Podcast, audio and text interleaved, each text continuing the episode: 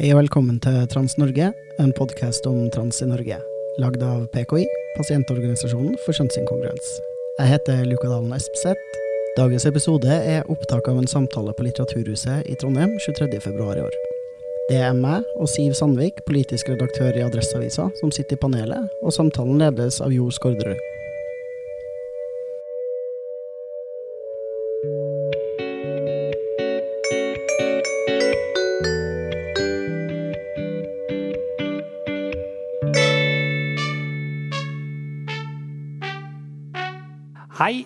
Velkommen hit til Litteraturhuset i Trondheim og denne samtalen hvor temaet er trans. Hvorfor er debatten om transspørsmål så polarisert? Eh, mitt navn er Jo Skårderud.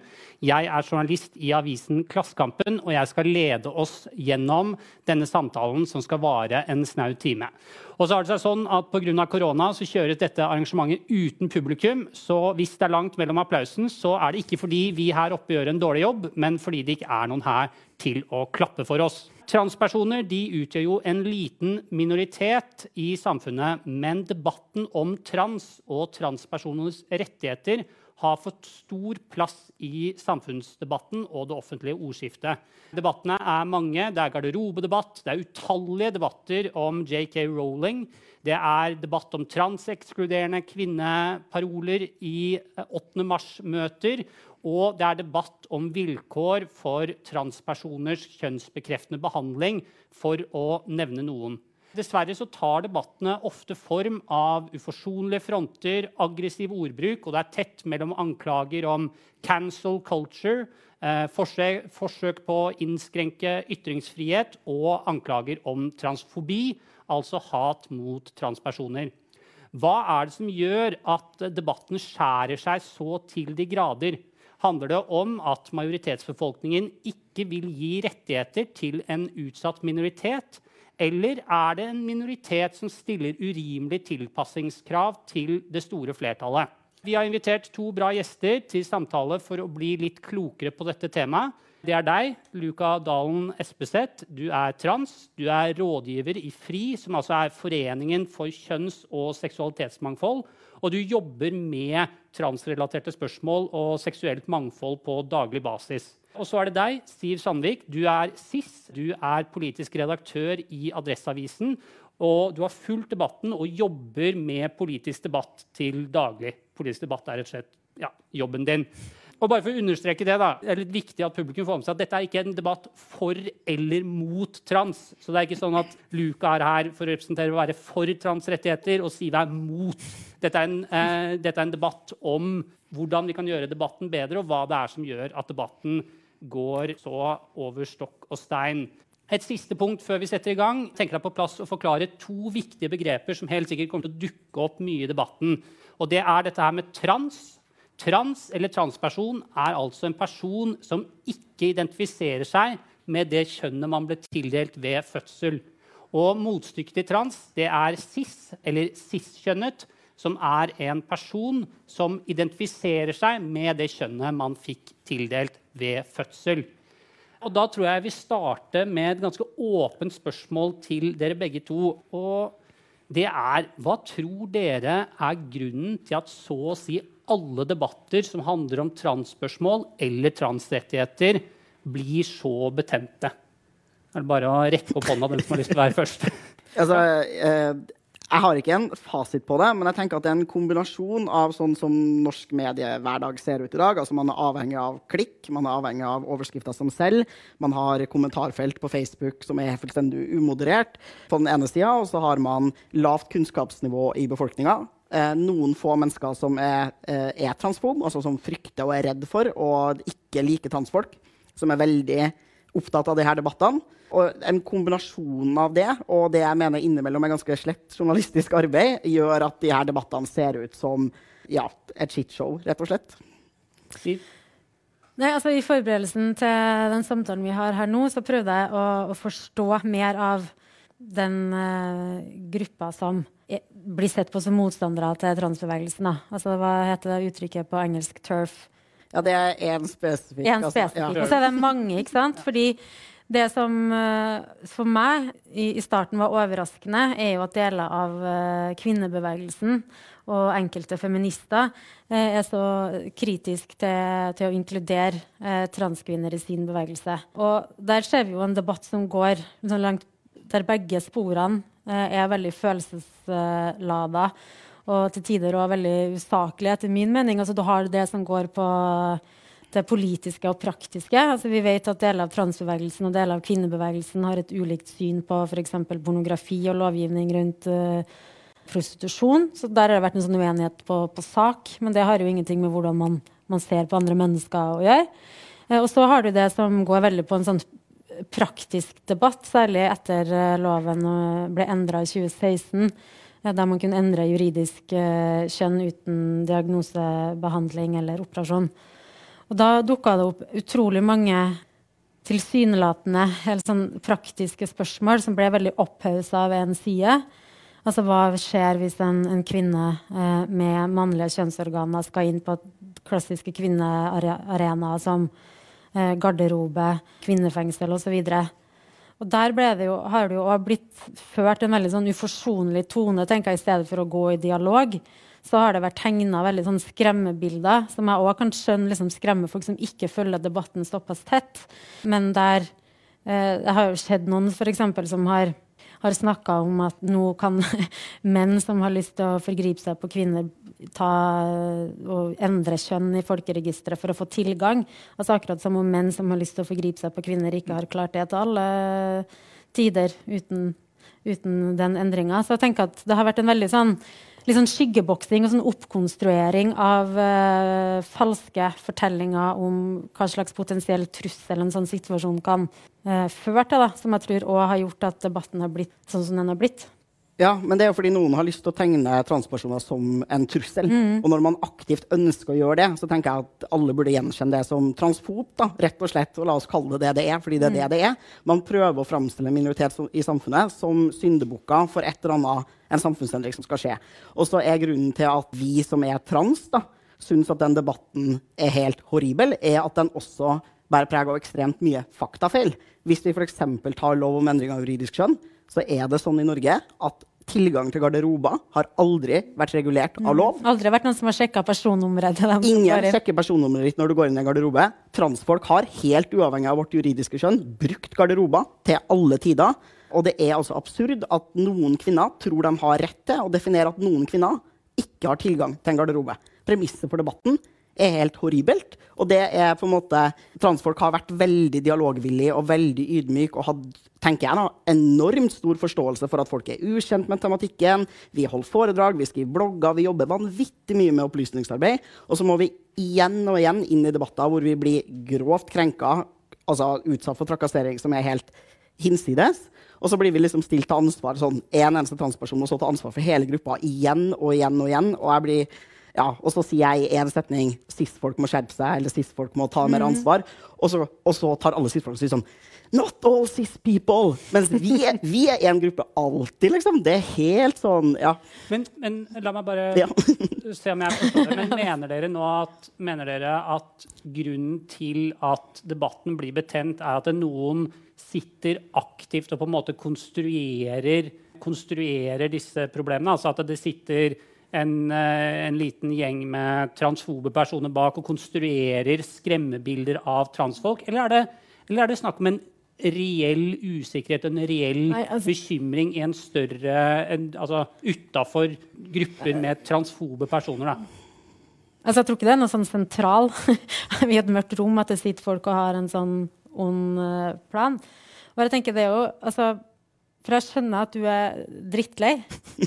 Men og for, for, transpersoner så ser jeg for meg at nettopp det med å, liksom, hvilke garderobe man velger, hvilken tokø man står i, er liksom spørsmål dere har blitt tvunget til å forholde dere til gjennom store deler av livet, og at det også kan, kan være innmari vanskelig. Mens for majoriteten så er jo det her ting som vi bare tar som en selvfølge. Mm. Uh, og sjøl om du sier igjen og igjen og igjen, og igjen, så har vi tatt debatten, da, så tror jeg at veldig mange cis-kvinner og cis-menn aldri har tenkt over muligheten for at det skal være eh, ei kvinne med f.eks. av mannlige kjønnsorganer i garderoben. Så først, jeg tenker at Første gangen de får den problemstillinga presentert, og jeg tenker særlig hvis de får den presentert på den måten enkelte ønsker å framstille på, mm. så skjønner jeg jo at de steiler, for det utfordrer jo en bluferdighet eh, hos enkelte. Og det utfordrer også for noen, altså hvis, særlig hvis du stiller opp sånn Hva hvis du står alene i dusjen, og så kommer det inn en naken person med penis? Ja. Da hadde jo jeg kunnet blitt redd for å kjent kjønnsidentiteten til den personen. Men likevel, jeg vet at det, men poenget mitt er at hvis du får den type ting som du umiddelbart skal ta stilling til, og at du da svarer med, liksom, med skepsis, det syns jeg ikke er transfobt. Uh, altså, vi kan diskutere hvorvidt det er transfobt eller ikke. Ja. Min definisjon av transfobi er ganske bred. Jeg mener at enhver handling og enhver struktur i samfunnet som får det å være trans til å framstå som mindre ønska, mindre naturlig og mindre ekte enn det å være cis, er transfobt. Så min definisjon av transfobi er brei. Den kan godt være smalere. Ja. Men poenget er ikke at det er ikke så veldig viktig å diskutere hvor skyggelandet for transfobi går for oss som er trans. Mm. Fordi det fins nok av veldig åpenlys, bluntent transfobi å ta tak i. Og i øyeblikket 90% av den transfobien har blitt fjerna, da kan vi diskutere er det transfobt å tildele folk et juridisk kjønn ved fødsel. Og så kan vi diskutere det. Og du vil sannsynligvis si at det ikke er transfobt. Mm. Jeg vil si at det er transfobt. Men jeg altså, vet at det er radikalt. Altså transfobt å, å si dette er en jente hvis den har, uh, hvis den har uh, jentetiss. Nå glemte jeg hva, hva jentetiss het. Det var billig. Uh, eller dette vagina, vulva ja, ja, det var, ikke sant. Ikke sant? Der finnes mange, mange flotte ord. Um, men ja, det, det, er det du Debatten trenger ikke å handle om det, men selvfølgelig vil det finnes altså, folk som definerer transfobi bredere og smalere. Men poenget her er at cis-folk har en tendens til å tenke at det er selvsagt at de skal få lov til å definere hva transfobi er, og at vi er nødt til å lytte på det. Og det tenker jeg at Hvis det er noen som skal ha liksom, definisjonsmakt og bli lytta til over andre, så er det transfolk. Det er vi som blir det blir ramma av transfobi, og som klarer å gjenkjenne det og se det. Og så er det selvfølgelig ikke sånn at Hvis jeg sier at noe er transfob, så betyr det at du ikke skal få lov til å snakke eller ytre deg i debatten. Det betyr jo bare at du er nødt til å ta imot det jeg sier. Og sånn ofte så pleier jeg heller ikke å gå rundt og si til folk at de er transfob. Jeg pleier å fortelle dem hvorfor og hvordan det de sier, er problematisk. Ja, for det tenker jeg jo er jo Hvis jeg da i løpet av den debatten her, eller i en uh, kommentar, hadde sagt noe som var ekskluderende eller opp, ble oppfatta som transfobt uten at jeg tenker Særlig hvis det er åpenbart at folk ikke mener det sånn. altså en ting mm. så synes jeg jo, tror jeg debatten går mye mer framover eh, hvis noen forteller meg du, det ordet der er faktisk ganske kjipt fordi sånn og sånn. Og det visste jeg ikke. Det mer, da, jo, da, har jeg jo mye mer lyst til å skjerpe meg, for å si det sånn, enn om, enn om du får slengt transfob uh, i trynet fordi du rett og slett ikke hadde fått det med deg. Nå tror jeg jo ikke det er der det store slaget står. Da. Nei, og, og, og jeg, forstår den, jeg, forstår det ubehaget, jeg forstår den smerten og den liksom, hvor ekkelt det må være å bli kalt transfob. Men det er også litt sånn slitsomt at vi som trans alt, transfolk alltid måttet ta ansvar for cis-folk sine følelser. Mm. Jeg skjønner at du blir lei deg, men du har faktisk ikke blitt utsatt for transfobi. Det er faktisk ganske mm. smertefullt. Det er mye mm. verre enn å bli kalt transfob, selv om det selvfølgelig mm. medfører ubehag. Og man trenger ikke nødvendigvis å gå rundt og kalle folk transfobe hele tida. Altså, vi skal ikke henge oss for mye opp, opp i det, men, men, jeg bare tenker sånn for debattens del Tror dere ikke at en, det der, nettopp det der med ulike forståelser av hva som er transfobt, er, kan være noe av det som gjør at debatten tidvis blir litt vanskelig. Fordi jeg bare vet i hvert fall fra rasismedebatten er at folk har Hvis folk sier noe åpenbart rasistisk, Eh, og så blir de arrestert på det. Da, da, kan de ofte ta det, for de veit at de, det var rasistisk mening bak. Eh, så det er én ting. Men hvis folk sier noe som de selv mener er 100% legitimt, eh, og som de tror på en måte er innafor, og så blir de konfrontert med at det var en rasistisk påstand, eller du er en rasist, så kan de bli skikkelig, skikkelig forbanna. Ja. Eh, og, og, kan ikke den der, på en måte mismatchen mellom på en, måte, en, en brei transfobidefinisjon og på en måte opplevelsen mange har at dette er jo ikke transfobi, at den skaper en slags sånn gnisning? Det gjør den definitivt. og Da får man jo sånne debatter hvor det sitter masse hvite folk og snakker om i media hvor, de mener, hvor, vi sitter og mener noe om hvor grensa for rasisme går, istedenfor å utfordre og snakke om det som er problemet, som er rasisme. Da. Og det er, sånn her, det er en voldelig struktur, det som rammer folk hardt, og som gjør livene til folk vanvittig mye vanskeligere å leve, og ofte helt ulevelig. Og, det, og, det, og, da er det jo helt absurd å se på majoriteten sitte og diskutere hvor grensa for når, Og at man fikk så vondt inni seg fordi man ble calla ut på at man har sagt noe rasistisk.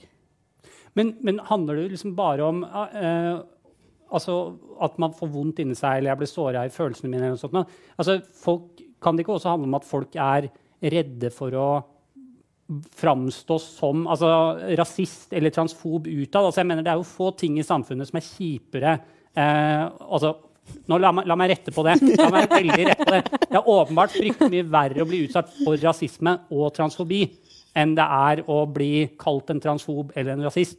Men det er jo ikke akkurat et stempel du har lyst til å ha på deg å være transfob eller å være rasist heller. Altså, jeg vil ikke at det skal stå artikler hvor Jo Skårderud er en transfob når min neste arbeidsgiver søker meg opp på internett. Altså, det, altså, eh, det, kan jo være en slags sånn frykt for å bli sittende med en merkelapp man ikke har også. Jeg tenker jo at det å inneha ekstremt dårlige holdninger, da, altså hvis du faktisk innehar dårlige holdninger, at det skal få konsekvenser for deg, er jo en av måtene vi får rydda opp i sånne holdninger på. Det, det, er sånn vi kollektivt har tatt mm. ansvar for. De av oss som vi mener at har for ytterliggående ståpunkter i forskjellige debatter, er en sånn type sosial sanksjonering. At man sier mm. til folk du, den vitsen her er ikke grei. Det er sånn vi har liksom deala med hele metoo òg. Vi har et kollektivt ansvar da, for mm. å si fra til folk at den der vitsen din om hun dama på kontoret, det er ikke gøy, liksom. Mm. Og det er sånn vi faktisk liksom Mm. Og det handler ikke om å liksom, nekte folk ytringsfrihet, det handler om sånn sosiale reguleringsmekanismer som jeg tenker at det nytter. Da. Men jeg tror liksom generelt om sånn, hvis, For du snakka om sånn debattkultur, eller mm. at man skal få debatten framover. Og jeg tenker at Den vil jo alltid gå liksom, to veier. Den ene er liksom den harde, konfronterende. Du har, du har, dere har en interessekamp og en rettighetskamp. ikke sant? Og da, da kjemper jo dere for rettigheter. Da er ikke målet deres at alle skal føle det godt inni seg. Nei, det er ikke det. Eh, men så har du også den der samfunnsdebatten som går på å, å bygge forståelse, øke kunnskap. Eh, for som du var inne på, det er, veldig, det er stor mangel på kunnskap. Det er mange misforståelser ute og går. Og så er det også uenigheten om den kunnskapen òg, da. Ja, ja. på toppen av, av, det hele. Men, så, og da tror jeg kanskje at det å bruke ord som transfob og transfobi Jeg skal ikke blande meg opp i hvem du kaller det, akkurat som jeg aldri skal blande meg opp i hvem en, en uh, svart person kaller for rasist. Mm. Uh, men jeg kan jo uavhengig liksom, i et, være, tenke nei, det er jeg uenig i. Jeg syns faktisk det var innafor. Men du må jo selvfølgelig stå fri til å kalle altså, Hvis du mener at noen ting er transfobt, så si det, så kan vi kjøre debatt om det. Men ofte så blir jo da debatten om det, ja. og ikke om saken. Mm. Og det, ja, det kan jo av og til være en stopper, tenker jeg. Og så tenker jeg Det som jeg tror ofte også rammer transfolk, det er nettopp at folk tenker på oss veldig veldig som en gruppe. sånn at Hvis en annen transperson på en annen fest har fortalt deg at du er transfob, eller skrevet en litt annen krass kronikk, så tenker folk veldig fort Oi, transfolk? Mener det her transfolk er sånn mm. transfolk vil det her. For eksempel, som i begynnelsen når du også snakka om at transbevegelsen mener noe spesifikt om sexarbeid. Det gjør vi jo ikke. Deler av transbevegelsen, ja, ja, fair enough. Der, uh, ja, det finnes noen uh, det, det, er liksom, det er en generalisering som, som går ja, ja. som oss på grupper, da, som blir helt sånn absurd for meg å stå i. Jeg, sånn jeg kan ikke ta ansvar for alt alle transfolk har sagt og gjort til alle tider. Og den ser jeg for meg at dere blir enda mer utsatt for òg, fordi at det er så få. Ja. Eller hvert fall, Jeg har sikkert møtt masse transfolk som jeg ikke har visst har vært transfolk, men jeg har i hvert fall møtt få transfolk som jeg har visst har vært transfolk. Og det, når du møter den ene den ene gangen ikke sant? Det er litt som du har møtt én person fra Island, og så går du rundt og snakker om at folk fra Island er sånn og sånn. Altså, mm. det er en måte så, folk har så lite grunnlag for å bygge den generaliseringa på. da. Ja. Og det syns jeg er et problem. Og så syns jeg det er et problem at, at, altså, at, jeg skjønner at folk ser debatten i media mer enn andre ting, men det, altså, transfolk har virkelig skrevet bøker og akademiske avhandlinger og holdt foredrag og skrevet blogger og vært med på filmer. Altså, vi har gjort vår fair share av opplysningsarbeid sammenligna med hvor mange vi er. Virkelig ganske mye per kapital. Liksom. Jeg tenker at vi er, eh, har vært utrolig imøtekommende på det manglende kunnskapsbehovet som, liksom, eller det kunnskapsbehovet som har vært der ute. Da. Mm. Uh, og jobber ganske hardt for at folk skal være ålreite med oss. Også fordi vi vet at vi er så få da, at vi har ikke sjans hvis ikke dere faktisk er allierte mm. som orker å være på lag med oss. Liksom, så er vi jo sjanseløse. Vi er jo ingen. Jeg merker at det er mange spørsmål uh, som melder seg i, i, hodet mitt. men La meg spørre dette her. Tror dere, altså, Vi er ganske enige om at det kan være et ganske tøft uh, debattklima i, i denne, denne, debatten om transrettigheter og egentlig alt som dreier seg om transspørsmål. Tror dere at det harde debattklimaet har gjort at folk som burde være med i debatten, eller som har noe fornuftig å si, vegrer seg for å, for å ytre seg i den? Altså, transfolk ytrer seg jo ikke lenger omtrent i det hele tatt. Mm. Uh, I sommer så var det, det var forrige runde hvor det var liksom en mm. utagerende transdebatt. Ja, hva, hva, var det? Det går i, Nei, jeg, Ikke, ikke spør meg. Det var alt på en gang. Det var, det var som du sa, det var garderober og idretten og skoler og hva vi skulle si til barn, og eh, at vi var seksuelle overgripere. Det var liksom ikke måte på. Uh, og da var, skrev jeg, tror jeg, på en uke sju leserinnlegg. Hvorav fem av dem hadde jeg ikke skrevet selv. Jeg fikk dem tilsendt av transfolk som spør om jeg kan publisere dem under mitt navn. Fordi folk tør ikke. Mm. Fordi den hetsen og den sjikanen som transfolk blir utsatt for når vi er åpne og offentlige i media, Spesielt hvis vi tør å si noe faktisk substansielt om egen livssituasjon og hva slags politiske endringer man ønsker. Den er stygg, altså. Den er skikkelig grov. Og jeg forstår at det er vondt å bli kalt transfob, og jeg forstår at debatten blir hard for dem som ikke har ment, og som har hatt en god intensjon, og som bare feila litt på språk. Men det er sammenligna altså, Det går ikke an å sammenligne, da. Og det må man klare å stå i. Og så må man være sånn her, OK, jeg lytter, liksom. Jeg hører. Du syns det er problematisk at jeg sier at noen kvinner har mannlige genitalier, som jeg syns det er problematisk at man sier. Ja, men liksom, hvorfor syns du det Fordi kvinner har kvinnekropper. Og genitaliene deres er kvinnelige. Bare av definisjonen at de er kvinner. Det betyr ikke at det er kjempetransfobt. eller noe sånt. Det bare er, eh, Med en gang man omtaler en kvinnekropp eller deler av en kvinnekropp ja. som mannlig, så, så, forsterker man en idé om at de ikke egentlig er kvinner, at de er mindre verdige som kvinner enn andre. Og eh, når vi sier mannlig, så klarer vi ikke å tenke oss bort fra det her sosiale konseptet mann, og da ser vi for oss deg. Eh, så når man snakker om liksom, kvinner i, i, i garderoben da, som har en eller annen slags form, så sier man mannlig et eller annet, så er det han vi ser for oss. Mm. Og det er livsfarlig for transkvinner at det er han der fyren der vi ser for oss. for du skal ikke noe inn i kvinnegarderoben. Nei, jeg skal, jeg skal, jeg Men hva, hva, mm. hva ville du ha brukt, da? Nei, altså For det første så er jeg jo veldig lite opptatt av Jo, men sant, i en ja, okay. aldri trengt å bruke det. Nei, jeg tenker men, at uh, så, altså, så nøytralt og deskriptivt språk som man får til, er hvis jeg absolutt må referere til kvinner som har penis og testikler, hvis det er det debatten ja. dreier seg om. Så, så er det bedre å si det enn mannlig? Okay. Ja. men sånn for eksempel, så ante ikke mm. at det var en ja. Men, men, det, men, det gir mening når du forklarer det. Ja, men det er jo ikke noe big deal. Men nei, det er bare det er summen av sånne ting som folk sier, da, uh, blir for oss ekstremt utfordrende. Og så skal man møte alle de her påstandene mm. og forklare alle de her tingene, og det får man i hvert fall ikke plass til på de 3000 tingene man blir gitt. Og, sånn, og det her er ikke sånn for å ta motet fra Men altså, på 90, 80- og 90-tallet da jeg vokste opp, sånn, så ble jo N-ordet brukt flittig av majoriteten. Og det var liksom det var, det var, Da var det ingen som visste at det var rasistisk, selv om det var jo rasistisk da også.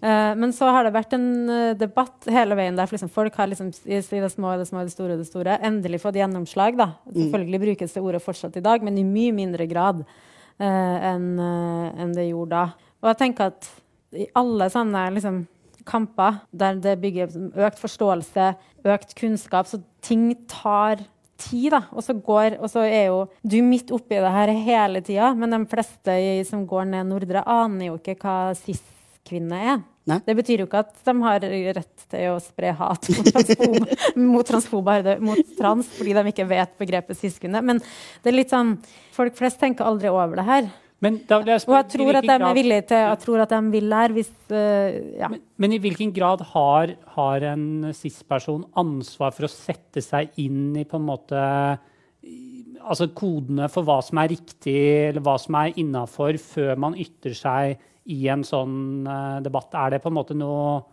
ja. Altså, jeg tenker at Vi alle mennesker har et kollektivt ansvar for å se de maktstrukturene som finnes rundt oss, og hvordan de rammer enkelte personer hardere enn andre gjerne altså marginaliserte grupper. da. Alle marginaliserte grupper som finnes, og dem er det jo ganske mange av.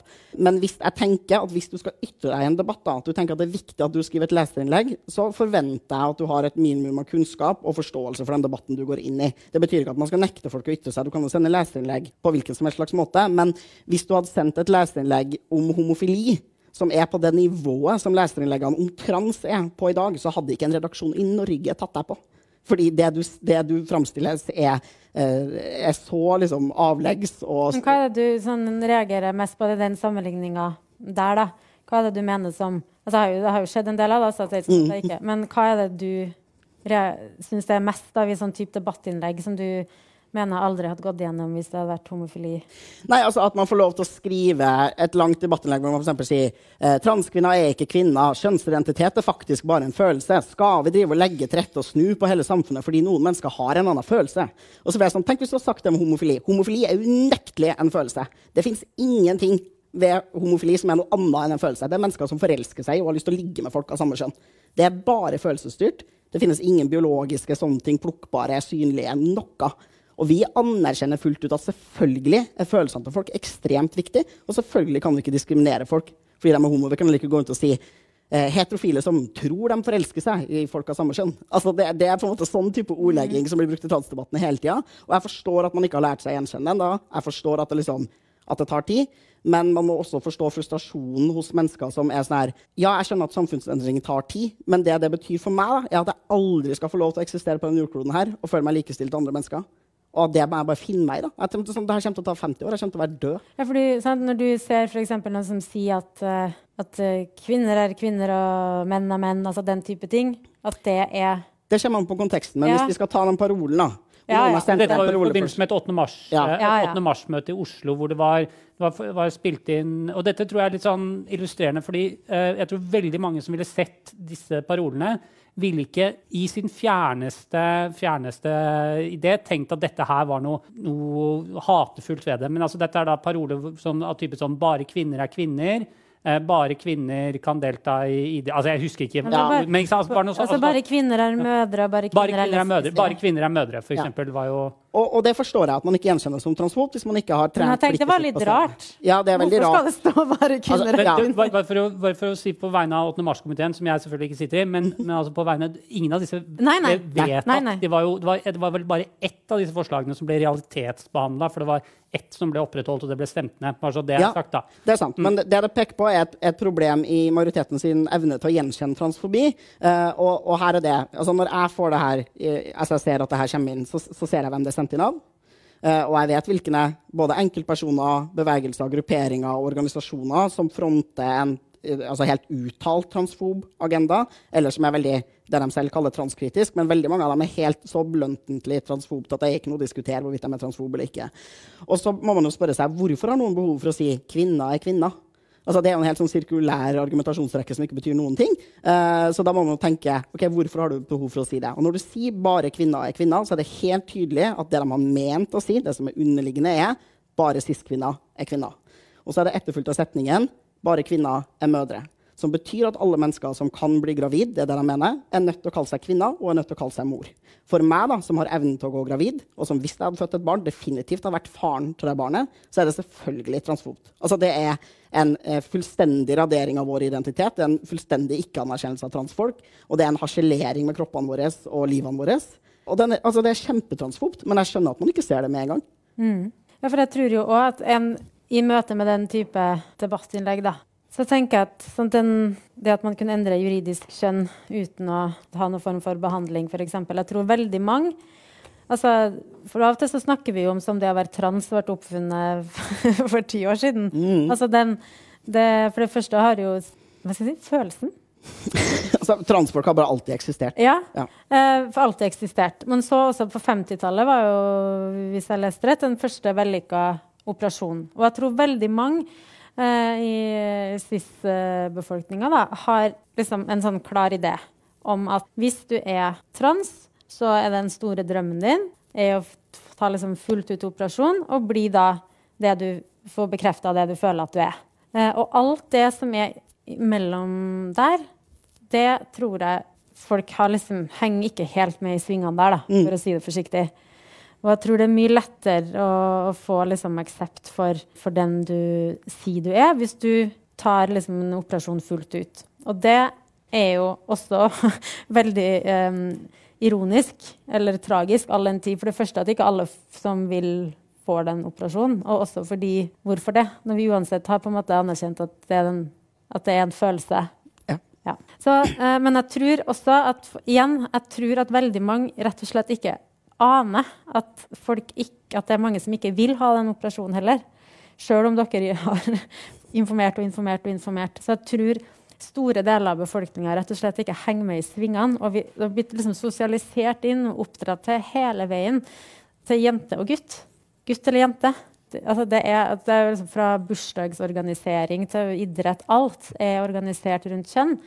Og jeg tror at det å si da at ja, men kvinner er jo, det er jo bare kvinner som er kvinner. Og, altså, I hvert fall liksom helt i starten av en sånn debatt. At jeg har forståelse for det, men det er lett for meg å ha forståelse for det. da. Ja, jeg tenker at jeg tror det, altså det ene vi må gjøre, er selvfølgelig Folk må få litt høyere kunnskapsnivå om trans. og Det finnes informasjon der ute. Men det jeg tenker også at vi er nødt til å begynne å liksom tilføre helt sånn eh, allmennmenneskelige prinsi prinsipper til diskusjonen. For eksempel, når man er sånn her, ja, for meg så kan det, Jeg kan godt forstå at noen syns at det er rart eh, at jeg har lyst til å eksistere i denne verden her. Når du sier 'lyst til å eksistere i den verden', så tenker jeg at da, at da Jeg mener jo ikke at folk ikke synes ikke syns at du skal eksistere. Men det er jo det folk synes. Men hvis man, hvis man tenker altså, jeg har lyst til å eksistere, Folk kan synes at det er vanskelig å forstå. Men så må man jo være sånn OK, hva er det staten skal inn og regulere, da? For det tenker jeg at er det viktige spørsmålet. Eh, når folk skal endre juridisk skjønn, hva skal de legitime kravene være? Før så kastrerte vi transfolk mot vår vilje. Altså tvangskastrert en hel befolkningsgruppe. Det gjorde vi fram til 2016. Ja, for, fordi da var det sånn at du måtte, du måtte altså, la deg kastrere før du fikk lov til å bytte juridisk kjønn i passet, f.eks. Ja. Altså, ja. ja. Og det eh, er jo både et ekstremt overgrep, altså sånn rent kroppslig, i tillegg til at det satt alle transfolk som enten ikke hadde tilgang på denne type kirurgi, som også var en majoritet av oss, eller som ikke ønska den, satte oss i en posisjon hvor våre identifikasjonspapirer var helt ubrukelige. Når jeg reiser rundt med pass som det står kvinne i, så har ikke jeg samme mulighet til å reise som det andre mennesker med et norsk pass har. Og så skal jeg anerkjenne at det er et privilegium å ha et norsk pass. Men altså, eh, det er eh, absurd. da. Altså, Jeg blir outa som trans og må da utlevere veldig intim informasjon om hvordan min mm. kropp ser ut og er satt sammen. Ja, fordi du måtte forklare liksom, i grensekontrollen eh, ja, grunnen til at dette ja. er ja, eh, Og veldig mange land som jeg selvfølgelig bare aldri ville ha reist til, fordi jeg vet at det er livsfarlig for meg å reise til de landene. Eh, jeg blir outa som trans når jeg liksom prøver å bruke apoteket, når jeg søker på jobb, hvis jeg skal få vise frem dokumentasjon fra tidligere utdanning eller arbeidsforhold. Så at vår frihet da, i livet var helt sånn vanvittig innskrenka. Og transfolk blir unektelig diskriminert, og vi er nødt til å få råderett over denne veldig intime informasjonen om egen identitet og kropp da, selv, sånn som alle andre har. Det er ikke lov til å spørre folk i Norge på jobbintervju om de er homo. Det er det en grunn til. Uh, og, altså, jeg tenker at man bare, Selv om du ikke kan så mye om trans, prøv å liksom bare tenke ok, hva er det jeg mener at folk mm. faktisk skal få lov til å bestemme da, i sitt eget liv. Mm. Hva er, det folk skal, hva er den kroppslige autonomien alle mennesker skal men, ha? Men Juridisk kjønn har, er jo en seier som er, er, vunnet nå. Hva tenker du de neste på en måte, de neste, de neste slagene? Hva er det de viktige neste slagene er da? Ja, eh, Ikke-binære, altså mennesker som ikke er kvinner eller menn, må få en juridisk anerkjennelse for sitt kjønn. Eventuelt så må vi slutte helt med juridisk kjønn. Vi har ikke et helsetilbud som er tilstrekkelig i det hele tatt. Altså Transfolk har jevnt over ikke tilgang på den kjønnsbekreftende behandlinga vi trenger og har behov for. Det tenker jeg er de to liksom aller viktigste tingene som må på plass. I tillegg så er det liksom den her generelle holdningsarbeidet ute i samfunnet hvor vi bare må respektere at vi finnes da, og synliggjøre oss. Og så må man gjøre sånne småtteri-ting som å sørge for at vi faktisk har tilgang til offentlige rom da, på lik linje med andre. Så kan man løse den garderobesituasjonen sånn som man vil. Men vi kan i hvert fall ikke bare si at en hel gruppe i samfunnet ikke skal ha tilgang til det offentlige rom. Mm. Men da vil jeg bare gå inn på litt sånn hva som er på en måte legitimt å diskutere og problematisere i debatten igjen. For det, Du nevner dette her med helse, helsebehandling, altså kjønnsbekreftende behandling og helsetilbud til transpersoner. og Det er jo et eh, sånt tema som dukker opp igjen i debatten, og som, og som er mye diskutert. Jeg tror Senest i dag var det, eller i går var det vel det kom en NRK-artikkel som NRK senere måtte fjerne fordi det ble, ble mye hat. og og sånt noe, i, i, hvert fall på sosiale medier, men som gikk på dette her med, på dette her med behandling. Og da er det dette her med at det har vært en tidobling i løpet av de siste ti årene i antallet eh, som søker seg til eh, kjønnsbekreftende behandling. Og det har vært særlig blant eh, unge Altså jenter i ungdomsalderen, da. Som, ja, unnskyld. unnskyld eh, beklager. Men, altså, men, men eh, gutter i ungdomsalderen som som vil bytte. Og det er, problematiseres av ganske tunge medisinske fagmiljøer. og Folkehelseinstituttet er bekymra for at man har, gjort, uh, har for, altså endret loven i for liberal retning. Og det jeg lurer på da er på en måte, er det noe altså, som er legitimt å diskutere? Ja, det er legitimt å diskutere, men du er nødt til å ha ganske god kjennskap til fagfeltet. Og så er du nødt til å anerkjenne det som er et faktum, at også helsepersonell kan være transfob. Eh, og det har vi sett opp gjennom historien. Altså, vi var registrert som å ha en psykiatrisk lidelse fordi vi var trans fram til 2018. Homofili var en diagnose til ikke så altfor lenge siden. Eh, altså, vi har alltid brukt medisin for å trykke gruppa nede. Vi har brukt medisin aktivt for å kastrere folk. altså Den medisinske historien er full av diskriminering og stigma og helt forferdelig atferd. Så vi må anerkjenne at det faktisk kan hende at det også skjer i Norge i dag. Og vi som er trans selv, vi sier at det skjer. Og når 70% av alle mennesker som har vært innom den nasjonale tjenesten for kjønnsbekreftende behandling, sier at de har følt seg dypt krenka og diskriminert i møte med tjenesten, da bør det lyse noen varsellamper. Og så tenker jeg, de, de tallene du, du, du, sier, ja, det, det, stemmer. Det har vært en tidobling i antallet mennesker som oppsøker kjønnsbekreftende behandling de siste ti åra. Det har ikke vært noen økning de siste tre årene. Eh, Økninga kommer selvfølgelig av mer åpenhet, kunnskap om at behandlingstilbudet finnes, rettigheter for transpersoner og informasjon. liksom. Bare internett og sosiale medier. Og så er man ekstremt tydeligvis bekymra for denne enorme økningen i eh, unge transgutter. Altså mm. mennesker som ble registrert som kvinner ved fødsel, som oppsøker helsetilbudet i tenårene. Hvis du ser på populasjonen totalt, altså alle som oppsøker helsetilbudet, så er kjønnsfordelinga i favør av transkvinner. Mm. Det er 52 transkvinner som oppsøker helsehjelp. 48 transmenn. Mm. Så det er unge da, som er Ja, vi kommer ut tidligere. Mm. Og så kan man lene seg tilbake og tenke ok, hva er det som gjør at transmenn kommer ut tidligere enn det transkvinner gjør. Ja, det kan jeg fortelle. Du kan jo prøve å være en person som alle oppfatter som gutt, og prøve å komme ut som kvinne mm. på ungdomsskolen. Selvfølgelig er det lettere for transgutter å komme ut. Selvfølgelig er det lettere for oss å uttrykke oss maskulint mm. og få respekt for dem vi er i ung alder. Mm. Fordi vi er helt forferdelige mot mennesker som vi tror er gutter, hvis de bryter med kjønnsnormene. Mm. Så de kommer ut senere. Det er en så selvsagt og opplagt forklaring som helsepersonell nekter å engang gå i dialog på. Kan finne på å være plausible forklaringer på hvorfor økninga er så stor i akkurat den gruppa. Men er det ikke noe, det ikke noe Bare for å på en måte grave litt i det. For det, dette er jo spørsmål som handler om når man skal starte altså Noen av de betente spørsmålene handler jo om å starte behandlinger som har potensielt ganske langsiktige konsekvenser, sånn hormonblokkere, sånne ting, for personer i ganske ung alder. Og, mm. altså vi skal ikke hente inn, men I Storbritannia så har de jo, har jo endra loven for å hindre altså sånn at Nå må du nærmest ha jeg tror du må ha rett, retten i ryggen for å få lov til å gi behandling til noen før de er fylte 17. eller noe sånt. Altså sånn, mm. det, er ganske sånn, det er sånne medisinske og vanskelige, vanskelige temaer. Altså sånn, jeg, jeg, innser at på en måte, selvfølgelig det, kan det også finnes transfobe helsepersonell, men er det ikke også på en måte eh, helsepersonell sitt ansvar å være veldig sikre på at de ikke eh, behandler noen, altså feilbehandler noen eller setter i gang noe som, som folk senere kan angre på? Ja, altså jeg har noen poenger til den saken. Eh, det å gi helsehjelp til noen som ikke skulle hatt det, det er feilbehandling. Men å ikke gi helsehjelp til noen som skulle hatt det, det er også feilbehandling. Så det å nekte tilgang til kjønnsbekreftet behandling for en transperson som skulle ha tilgang på det, det er feilbehandling. Og det er like alvorlig feilbehandling som å behandle noen som senere angrer. I angreprosenten på kjønnsbekreftende behandling er på, i de undersøkelsene jeg har lest med høyest anslag 4% i Norge, under 1 Sammenlign det med angreprosenten på all annen medisinsk behandling, og den er ekstremt lav. Og så er jeg enig i at det er mer etisk problematisk å skulle gi kjønnsbekreftende behandling til mennesker under 18 år, nettopp fordi det er mer etisk problematisk å gjøre, gi helsehjelp til barn. Punktum. Men vi gir helsehjelp til barn. Barn har en selvstendig rett på helsehjelp, altså i menneskerettighetene sine. Og så må man anerkjenne at trans er ikke noe du blir, det er noe du er. Det er ikke sånn at du plutselig kan finne på å tro at du er trans, og så slutte å tro at du er trans. Altså, noen kan være forvirra i en periode i livet sitt, liksom, men det er sånn her, vi er trans. Det er ikke noe vi blir av kjønnsbekreftende behandling. Vi er det.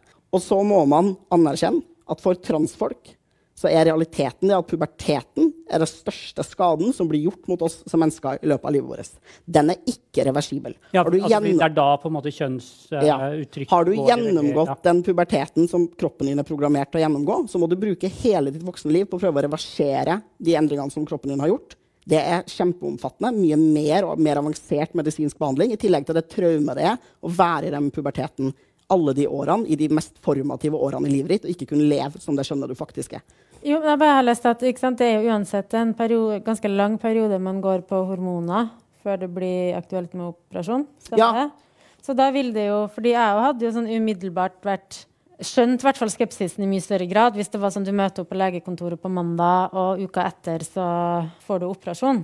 Ja, Det gjør det jo ikke. Altså, genitalkirurgi i Norge er bare, bare, tilgjengelig for folk over 18 år. Og så kan man eh, gjøre brystkirurgi ja. før man er 18, men det er også eh, brystkirurgi Ja da, det høres drastisk ut, men du må også anerkjenne at for meg da, så ville det vært ganske drastisk å måtte leve med pupper. Jeg har jo ikke så veldig lyst til det.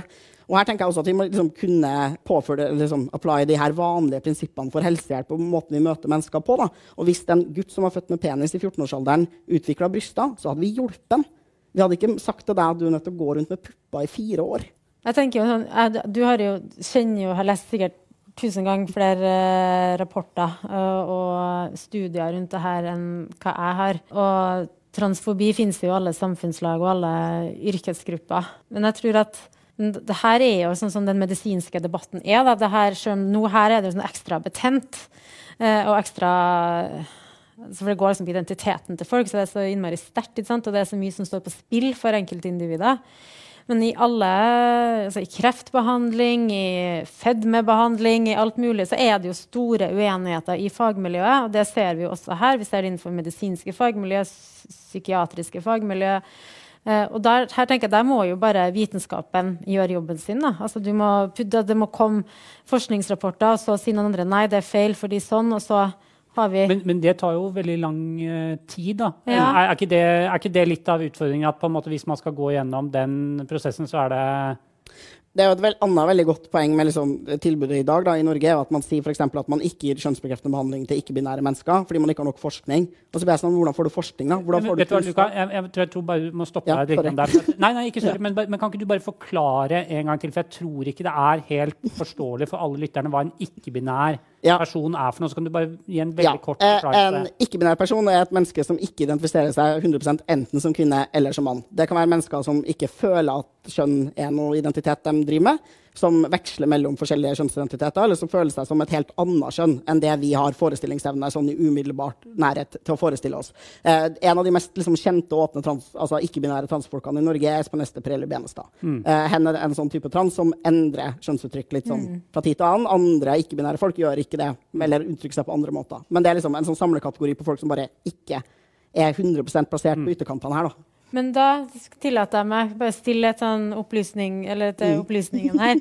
Fordi da tenker jeg, Hva slags behandling er det da dem etterspør? Ja, fordi her er det som er hele premisset for kjønnsbekreftende behandling. da, er at Når jeg oppsøker kjønnsbekreftende behandling, ja. så er det jo ikke for å tilfredsstille uh, de, din eller samfunnet sin idé om hva en mann er. Det er for at jeg skal få det godt i min kropp. Og da vil mitt behandlingsbehov burde da, ta utgangspunkt i hva med min kropp er det jeg har lyst til å endre, og hva er det som er medisinsk mulig å endre, og på hvilken måte. Og da ser man jo at både binære og ikke-binære transfolk kan ha et helt arsenal av forskjellige behov. da.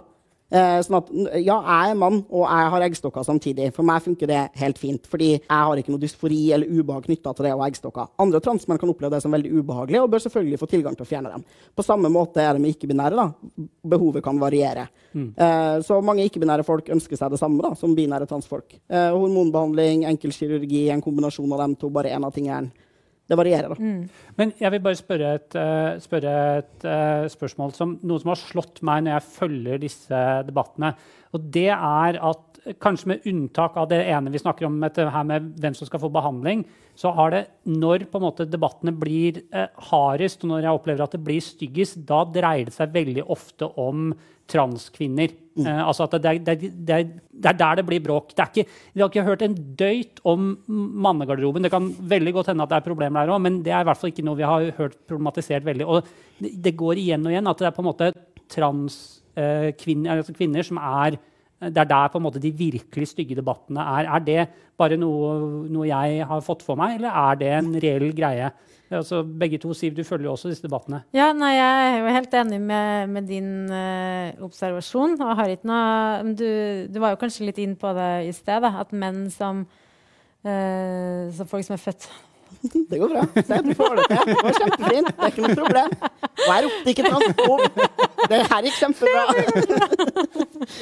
jo, altså, de er jo Transkvinner er jo Altså, jeg tror nesten hver fjerde sånn krimepisode jeg så som mm. barn på 90-tallet, handla om en transkvinne, ofte prostituert, som ble drept Eh, eller uh, voldtatt og kidnappa og partert. Altså sånn, ja, eller så sånn, parterte andre. Det ja. Det var liksom alltid enten at hun var helt psyko, mm. eller at folk gjorde helt forferdelige ting mot hun. Og at det var alltid sånn veldig Eller at uh, det var komedier i hermetegn som gikk ut på at en eller annen fyr gikk inn på en bar, sjekka opp ei lekker dame, og så viste det seg å være en transkvinne, og bare æsj.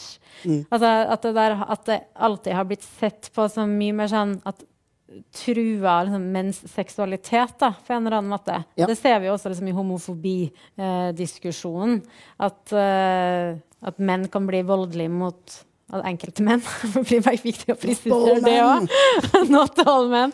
eh, kan eh, bli voldelige mot folk som av ulike grunner liksom utfordrer deres syn på seksualitet og seg sjøl. Så det er jo det, den ene grunnen til det, men det forklarer jo ikke det der med, med bråket rundt garderobe. Og der tror jeg jo kanskje kan det være Nå kasta bare ut en teori her om at menn har ikke blitt oppdratt til å frykte nakne kropper. Mens det har vi, altså i større grad. Eh, og jeg sier ikke da at transkvinner er farlig, men bare du får liksom ideen kasta ut, penis i garderoben, så høres det mye mer skummelt ut for en kvinne enn for en mann å høre om vagina i garderoben. Ja, eh, jeg er enig i det. Og jeg tror at noe av problemet med debatten her er akkurat den fremstillinga som er gjort da, av transkvinner i media. Altså at Når vi snakker om transkvinner i garderoben, så ser folk for seg menn i garderoben. Og det er litt viktig at vi presiserer at det er ikke menn, liksom. Det, det er faktisk kvinner. Eh, og de er ganske lett gjenkjennelige som kvinner. Men jeg tror Uh, deler av det Altså, transkvinner blir utsatt for en helt spesifikk kombinasjon av liksom misogynisme, homofobi og transfobi som spiller sammen på veldig intrikate måter. Men jeg tror den generelle samfunnsdebatten vår lider av en sånn god, gammeldags moralsk panikk. Og når samfunnet får en sånn moral panic-respons på et eller annet nytt som skjer, så prøver man å verne om kvinner, og man prøver å verne om barn. Og på, transfolk rammes av denne debatten på den måten at transmenn blir bare snakka om frem til vi er 18 år. For da eh, er vi små vergeløse jenter i de her transfobe folka sine øyne. Det er alle de her søte nasjonens døtre som er i ferd med å få skjeggvekst og mørk stemme. og oh, så forferdelig.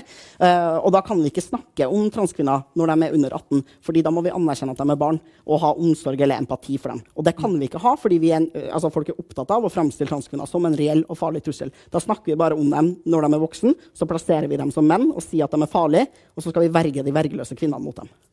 Men bare, bare for å komme ett, bare for å komme ett på en måte djevelens advokat-spørsmål her, for kan ikke også noe eh, noe av eh, den, de motforestillingene som en del kvinner har mot å, å slippe eh, kvinner som er, er trans, inn i garderober, eh, inn i krisesentre og sånt, og også dreie seg om rett og slett sånn, altså sånn fysisk styrke og på en måte voldspotensial? Eller er det bare helt eh, altså fordi altså En person født med en eh, med, som mann har jo noen på en måte fortrinn. Altså er det, eller er det bare helt ko-ko?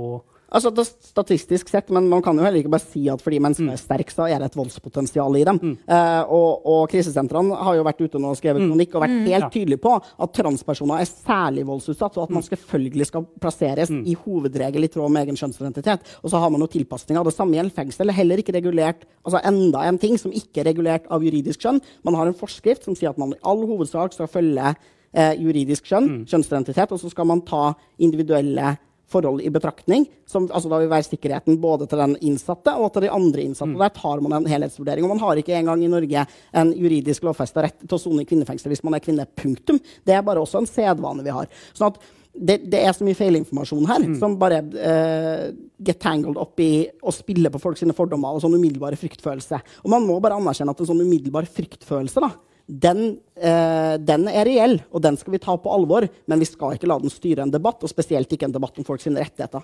Kort, uh, Ja, nei, jeg husker jeg satt uh, for noen år siden og drakk uh, øl med en kompis, og så snakka vi om denne statistikken ikke sant, som viser at stadig flere transgutter er transgutter. Ja. Eh, og så sa jeg noe sånt som ja, men det kan jo være litt sånn så de sliter med noe annet, og at det er litt sånn, de blir påvirka av sosiale medier, og at det blir litt sånn trend, på en måte, sa jeg da.